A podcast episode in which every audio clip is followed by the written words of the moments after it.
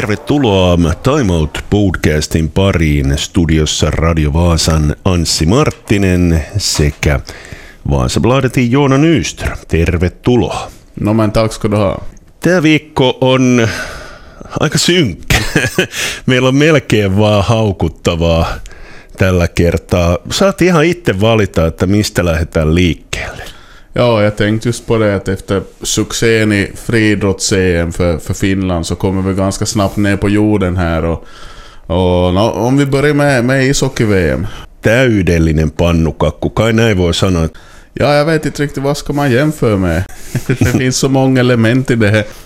Uh, såklart, inte bara spelmässigt, men allt det andra har säkert påverkat hur jag har sett ut i rinken. Att först en spelare på bröllop och så, så en målvakt som återigen en målvakt som inte liksom klarar, eller inte hålls i, i lagledningens favör på något vis och, och lite allt möjligt där så Ja, vi satt ju och pratade om damernas VM här förra och pratade om, det här, om de här så kallade svagare nationerna. Nu är ju Finland mitt i allt en av dem. Joo, näin siinä kävi ja kyllä täytyy sanoa, että Unkari katuuko se rankkareilla vai jatko... Eikö taisi olla, oliko se jatkoajalla? Jag skulle säga var förlängningen. Joo. Ja sitten Japani, joka on voitettu niin kuin murskaluvuin, niin hävitään. Toki niin kuin laukaukset oli, oliko ne jotain 61-16 tai jotain vastaavaa. Mutta kyllähän sen näki sen hengen. Mä en katsonut hirveän monta ottelua, mä katsoin jonkun pätkän Tsekki-Suomi-ottelusta, kun Tsekin naiset tuli kaukaloon, niin oli sellaista tsemppiä ja lyötiin nyrkkiä yhteen ja oli hymyileviä ihmisiä. Kun Suomi tuli kaukaloon, niin se oli semmoista väkisin puurtamista. Ja, om man tänker att några år sedan så var VM-final i Esbo. Det var ett domslut ifrån att det ska bli VM-guld och nu står vi här istället. Att, som jag sa, det är klart det börjar hända massa saker utanför rinken så påverkar det ju vad som sker i rinken och sen om man tänker också att den här stommen, de här bärande spelarna i laget har varit det här samma väldigt länge. Att sen om inte riktigt finns glöden där något mer så påverkar det ju direkt och och så känns det som att ledarskapet i hela landslaget är för svagt. Inte liksom tar tag i det här ordentligt. Så att det eh, finns väl nog en del till fundera på på förbunden och ser man liksom på den absoluta spetsen i landslaget så är det ju väldigt bra spelare men de börjar vara kanske småningom på, på andra sidan strecket då gäller till hur länge de ska spela i landslaget och, och har vi återväxt så räcker kan man ju fundera på att rätt som är så kanske vi hör till den här B-gruppen i VM i flera år. Onko naisten jääkiekko puuhastelua? Det handlar inte om Puhastelu. Det här VM var Puhastelu, Det var en fars. Det säger jag. Vi kommer tillbaka till det här som, som man har tuggat flera gånger, flera varv och idisslar ju förstås resurserna. Att eh, klart man skulle kunna lägga mycket mer resurser och energi på damernas hockey. Men eh, samtidigt då så, så drar ju damernas hockey in de där pengarna. Det är det här klassiska förhållande. Så inte skulle jag kalla för, för påhastel och det finns många människor som är väldigt engagerade där men de som är på högsta nivån, landslaget, beter sig på det här viset så det här är ju bra för resten av hockeyfältet heller. Onko jääkiekkoliitossa mm, niin tuudittauduttu siihen, kun on tullut näitä pronssimitaleja, jopa päästiin sinne finaaliin, jatkettiin aika pitkään Mustosen komennossa ja sitten Mustosen kakkosmies nostettiin valmentajaksi ja äh, joku, olisiko ollut Lehkonen, joka sanoi, että mistä ihmeestä näitä toivoloita löytyy, että eihän hän ole edes sadan parhaan valmentajan joukossa, että en lähde Toivolan kun en tarkemmin tunne hänen taustojaan, että onko hän hyvä valmentaja vai ei, mutta onko tässä niin kuin naisten puolella niin ajateltu vaan, että no se menee siellä omia menoja, että turha siihen on satsata sen enempää. No säkert delvis så tror jag nog du har rätt. Att är förstås, där Finland har länge haft den positionen, att, eller vi har haft den positionen att vi är tredje bäst efter nordamerikanska lagen. Och, och vi har haft en bra spets som sagt. Men jag håller nog lite med där också att, att Mustonen satt länge. Mustonen var en väldigt stark karaktär. Han var väldigt utåt också hela tiden på tapeten. Och så kommer den här killen då som har stått bakom honom någonstans som ingen ens har visst att finns där egentligen eftersom Mustonen har varit Mustonen och ska ta över. Så det känns ju lite som att du kanske ger laget också allt för stor makt i den här och så blir det som ett sånt här konstigt förhållande inom laget nu tycker jag att oberoende om det går bra eller dåligt så, så behövs ju ombytlighet alltid nu och då. Man måste, man måste få in lite nya tankar och sådär. Nu, förstås hockey, lite dåligt exempel på här sidan där Jukka Jalonen skulle ta guld med landslaget säkert i hundra år till. om det skulle vara möjligt. Men, men nog ändå i något skede så behövs det, behövs det vaskas om och, och Jukka Jalonen hade ju också en paus från landslaget så att inte har ju han varit där sedan mm. stenåldern. Jag skulle nog säga att som det här VM såg ut så behövs det nog radikalt liksom gå in och göra in, gås in och göras tydliga förändringar här. Man kan inte bara släta över det här och tänka att nej men nu vi fortsätter som vanligt, folk har nog glömt bort det här, det funkar inte med inte. Joo, ja mä oon sitä mieltä, että nyt valitettavasti kyllä koko valmennusjohto vaihtoon, ehkä jopa joukkueenjohtaja vaihtoon, ja sitten oikeasti miettiä sitä, että pitääkö lähteä rakentamaan jo tulevaisuuden maajoukkuetta, eli enemmän nuoria joukkueeseen, vielä enemmän, ja tosiaan antaa heille peliaikaakin. Siinähän oli se ongelma, että kyllähän näitä nuorempia pelaajia oli, mutta kun satsattiin aika lailla vaan kahden ketjun peluttamissa. Ja, och så just det här med, med, med spelare som egentligen inte så brydda att vara där eller någon bröllopsfirande eller något sånt. Vi har till exempel Ida Kuoppala från från Jeppis som har varit och nosat på landslaget. Hon spelar i Sportis förr hon spelar i universitetsserien i USA nu som, som skrev också på Twitter att ja, det finns nog spelare här som jobbar stenhårt och skulle vilja vara med i landslaget. Typ. inte det frågan om det inte. Puhutaan sitten naisten jalkapallosta ja mä pistän pikkusen niin kuin samanlaisuutta siihen. Eli me ollaan naisissa kuitenkin kanssa aika hyvin menestytty ja on saatu näitä kisapaikkoja Onko naisissakin vähän sama tilanne, että ollaan jääty vähän niin kuin polkeen paikalla? Ja, och där är det också generationsväxling som har kommit igång nu. Att alla har inte förstås ännu krytt åt sidan av de här som har varit med länge, men är, processen är igång och nu har man ju bytt, bytt tränare också. Anna Signell fick gå då. Man får ju fundera hur mycket det gör med, med det här kohon som var här i, i, i samband med EM då. Jag skulle ju gärna sitta... den här Marianne Miettinen som har varit ungdomslandslagstränare väldigt länge och som brukar syns i TV skulle ha blivit upplyft som, som nästa förbundskapten men, men nu blev inte så den här gången så får vi se hur det blir då. Lite av ett fiasko nog liksom det här VM-kvalet ändå. Man tänker att förr för var sådana kanske nationer så, så var det ganska självklart just att vi skulle vinna över dem. Precis som i damhockeyn var självklart att vi skulle vinna över Japan. Så att, ja, du är väl nog på rätt spår igen med det här.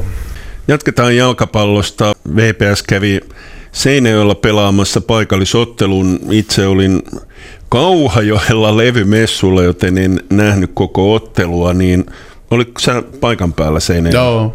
En ehtinyt lukea Bladetin tarinaa. Luin ehkä hieman puolueellisesta sanomalehdestä tarinaa ja siinä sanottiin, että SJK oli täysin ylivoimainen. Oliko se sitä? Nej, mm. ska jag säga. Det kommer vissa morgnar då man vaknar och så, så är kaffet slut och så slår man tån i köksbordet där i kanten och så går man ut och har glömt lägga motorvärmaren i bilen så startar inte heller. det var en sån dag för VPS Eh, eh, det såg förstås ut som att kanske SJK tog dominera, de hade mera boll, men eh, VPS gick också från början och försvarade ganska lågt ifrån och gjorde medvetet och hade bara oflytt det blev ett källmål. Att SJK hade två målchanser i första halvlek och detta blev mål då på ett källmål dessutom. Sen just i slutet så skadade sig Tyler Reed blev tvungen till avbryta. Han är ändå en av lagets bästa spelare. Och så kommer ett rött kort tre minuter in i andra halvlek. Så No, vilket, vilket lag dominerar nu inte sen efter det då, då motståndarna tar ett rött kort kan man ju fråga sig. Me ollaan puhuttu aika paljon tästä, että kun VPS saa sen niin sanottu ykkösryhmittymän kentälle, niin peli kulkee, mutta nyt ei saada kupsia vastaan. Ja valitettavasti seuraavastakin pelistä pikkarainen pois. Eli kyllä tämä niin kuin Jos olisi tukkaa, niin harmaita hiuksia tuottaa. Ja, verkligen. Så man tänker att målvakten Teppo Martinen skadade sig redan. Lagkaptenen Sebastian Strandvall drog sönder knä och dit for säsongen. Och I lördags så var Jonas Vahterot ett gäng avstängda.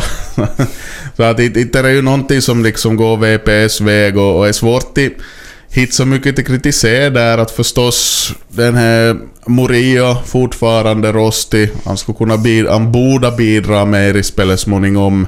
Men annars så tycker jag de gjorde nu vad de kunde i andra matchen och skapa en del på fasta situationer. Så att eh, det liten studs åt rätt håll som SJK fick. I och med det självmålet så skulle jag varit andra vägen så... Någon total dominans skriver jag inte jag under på men, men VPS har nog satt sig en hård kniv på. Kuuntelet Time Out podcastia. Studiossa Anssi Marttinen ja Joona Nyström ja jatketaan vielä Vaasan palloseurasta sen verran, että nyt sitten vastassa on Kuopion palloseura ja kyllähän se nyt tilanne on sellainen esimerkiksi tuon karsintapaikan osalta, että jokainen viimeiset kuusi ottelua on todella tärkeitä. Tuo kupspelikin, että tai miten menee, onko vielä – se kauhukuva olemassa, että VPS saa vaan kaksi kotiottelua. Taitaa olla. No, nu hade ju VPS lite flyt förstås, att IFK Mariehamn förlorade och, och Lahti kryssa mm. och, och Helsingfors IFK förlorade ju derby igår också mm. mot HIK så att resultaten gick ganska bra, bra lagets väg den här gången men ja, inte det är ju riktigt kuppsjagar ju mästerskapet förstås. E- en match nu som VPS kanske kan spela helt utan press på hemmaplan mm. för ingen förväntar sig någonting men går det riktigt illa så, så går det ju så också att det blir, det blir mer borta än hemma i, i nedre serien. Jo, toivotaan, että näin ei käy. Sä otit esille ton HJK-HFK-pelin, jossa enemmän kuin tuo ottelu, niin puhutti tietysti kannattajien käytös. Mä ymmärrän osittain HJKn fanien hermostumista, jos HJK-lippua siellä poltetaan, mutta en ymmärrä sitä, että esimerkiksi Facebookissa – meille molemmille erittäin tuttu henkilö, puolusti sitä, että jalkapallon syyhän tämä ei ole, vaan tämä on kannattajien vika, mutta sanoi, että no eihän näitä Suomessa ole kovin paljon, mutta kyllä niitä lähestulkoon aina on esimerkiksi HJK ja HFK välillä ollut. Joka paikassa, missä Lahti pelaa, niin poliisit on varuilla. Ei tämä nyt oikein hyvä suunta ole tämäkään jag håller, jag håller kanske med i den att det är nog ändå så pass marginellt i Finland att som Mutta sagt, sanoppa mulle koripallosta, lentopallosta, yleisurheilusta. Kuinka monta tällaista tapahtumaa sieltä löytyy? Ja, no ei förstås. ei förstås att det, det är människorna som, som finns runt vissa sporter så tar sina influenser från olika håll då. Och sen blir det ju förstås säkert ett grupptryck där internt och sådär om man nu ser på, på vad som händer då så klart inte ska man börja bränna flaggor på läktaren. Det kan ju vara riktigt farligt det till och med. Uh, sen var ju det HIK, jag tyckte det var lite liksom gulligt på något vis att de är hårdast, de händerna som har sån här, vad heter det, Kom, pipo. Kommandopipot päässä. Ja, så hade HIKs logo mm. tryckt på sina pipon. Mä kävin muuten katsomassa, että onko HJK myynyt tällaisia. Ei löytynyt, että mä luulen, että ne on kyllä itse teettänyt. Ja, jag var just det, jag drog nog hans slutsatsen att knappast säljer klubben sådana. Men att fint att man vill ändå liksom trycka upp Då man nu ska dölja vem man är så vill man ändå ha klubbens logo där på, på pannon eller vid tidningen. Så vad, vad de nu gjorde, no, de var ju inne förstås på plan och sparkade på några skyltar och, och vad de gjorde, att, att de skulle kunna hållas på läktaren tycker mm. man. Att, niin, puhutaan noista ultrakannattajista. Ne on puhuttanut myöskin Vaasassa aika paljon, niin kun mietitään sportingin tapauksia. Nyt on ollut aika rauhallista, mutta kyllä välillä ultrat on puhuttanut myös täällä Vaasassa. Hakeeko ultrat jotain muuta kuin seuran kannattamista? Eh, det finns både och skulle jag säga. Att det, det finns ultras som, som helt enkelt de vill kalla sig ultras för att för den här specifika klubben då så, så blir lite större än livet för dem och är faktiskt liksom på så stort allvar allting. Sen finns det de hänna som, som vill vara med i ett sammanhang bara för att de ställer till och ha härj och, och vi, vissa vill helt enkelt bara vara med och de vill slåss med någon. Att det, det finns olika sådana händer och, och, man vill få utlopp för olika saker. Sen liksom om, om, om allt hade hör då till idrotten så är ju andra frågan då. Om, om det nu är så att du vill ha våld då, så du kommer till hit någon likasinnig förmodligen någonstans, men far ut till Skogsdal gör upp sinsemellan. Dra inte till stadion där resten av folket vill ha en bra idrottsupplevelse. Att jag, jag har någonting att göra med till vad det är i idrotten och, och, och ska du faktiskt härja och ställa till så, så gör det någon annanstans då. Jatketaan negatiivisissa merkeissä. Seuraavaksi puhutaan Suomi-Ruotsi yleisurheilumaaottelusta, joka valitettavasti latistui melkoisesti. Siellä oli Topi Raitanen pois, Camilla Richardson pois, Vilma Murto pois, Armand Duplantis pois. Kaddi Sanja. Kyllä, hänkin oli pois. Meikäläisen veljet oli katsomassa ekana päivänä tuota maaottelua. Mä kävin keskustelua sitten siitä ajankohdasta. Pohdin sitä, että onko mitään järkeä järjestää näin kauden päätteeksi. Yksi periaatteessa kauden tärkeimmistä kisoista, ainakin näille kansallisen tason huipuille. Mä siirtäisin suorastaan tätä maaotteluajankohtaa, mutta mihinkä? Siinä onkin vaikeampi kysymys. Midsommar. No miksei, miksei. Ehkä, ehkä ne ei juhannukseksi, mutta mä oon pohtinut myös toistakin, että myös Kalevan kisoja, niitä järjestetään usein niin kuin elokuun alkupuolella ja näin, että miksei niitä voisi järjestää kylmästi heinäkuun alkupuolella tai heinäkuun puolessa välissä ja ehkä sitten niin kuin maaottelu, jos ei ole arvokisoja, niin elokuun puolessa välissä. Nu antar jag ju att det handlar om att man försöker hitta, hitta det tidpunkten som formmässigt för idrottarna är bäst. Att du har vintersäsongen så börjar sommarsäsongen men du behöver få in x antal tävlingar före du är i det här slagläget där du faktiskt kan göra riktigt bra resultat. Och och det blev kanske, kanske extra kännbart nu i år då det var så otroligt tempo. Du hade VM i USA, så kom FM direkt och så direkt på EM efter det. Det är ju inte så konstigt om, om idrottare är ganska slitna efter det och, man kan bli, och då man är sliten så blir man lättare sjuk också. Att det, är som, det, finns väl, det finns väl lite tripp-trapp-trull-effekt där. Joo, ja sitten kun katsoi näitä periaatteessa, jotka oli käynyt monia kisoja, Evelina Määttänen aivan aivan pihalla kuin lumiukko. Ja siellä oli monia tämmöisiä kisojen käyneitä urheilijoita, jotka oli kyllä niin kuin todella kaukana siitä ykköskunnosta. Neljä mitallia tuli EM-kisoista Suomelle, mutta tämä Ruotsiottelu varmaan nyt sitten antoi sen todellisemman kuvan, missä mennään. Eli meillä on hyvä kärki, mutta laajuutta puuttuu. Ja, men hellre då fyra EM-medaljer tycker jag än att man, man vinner landskampen. Kyllä, meikäläinen on kuule käynyt kaksivuotiaasta lähtien, kävin tonne parikymppiseksi jokaisen äh, stadikan maaottelu ja kyllä se, kyllä se ottaa niin kipeätä, kun Ruotsi voittaa ja nöyryyttää. Ja, nej, no, jag, jag har ett samma, samma känsloband till den här landskampen. Jag, men, men ja, man tål ju kanske att funderas på att när skulle vara det optimala. Att skulle, skulle landskampen då vara en av de här tävlingarna som man bygger upp formen. Att tror man att man får bättre resultat då än att man tar det som en sån sista avslutning på säsongen, vilket det ju är för de flesta. Joo, siitä on tietysti varmaan todella vaikea lähteä siirtämään, koska se on ollut nyt vuosikymmeniä elosyyskuun vaihteessa, mutta en mä tiedä. Ainahan voi kokeilla jotain uutta ja siirtää esimerkiksi heinäkuun puoleen väliin.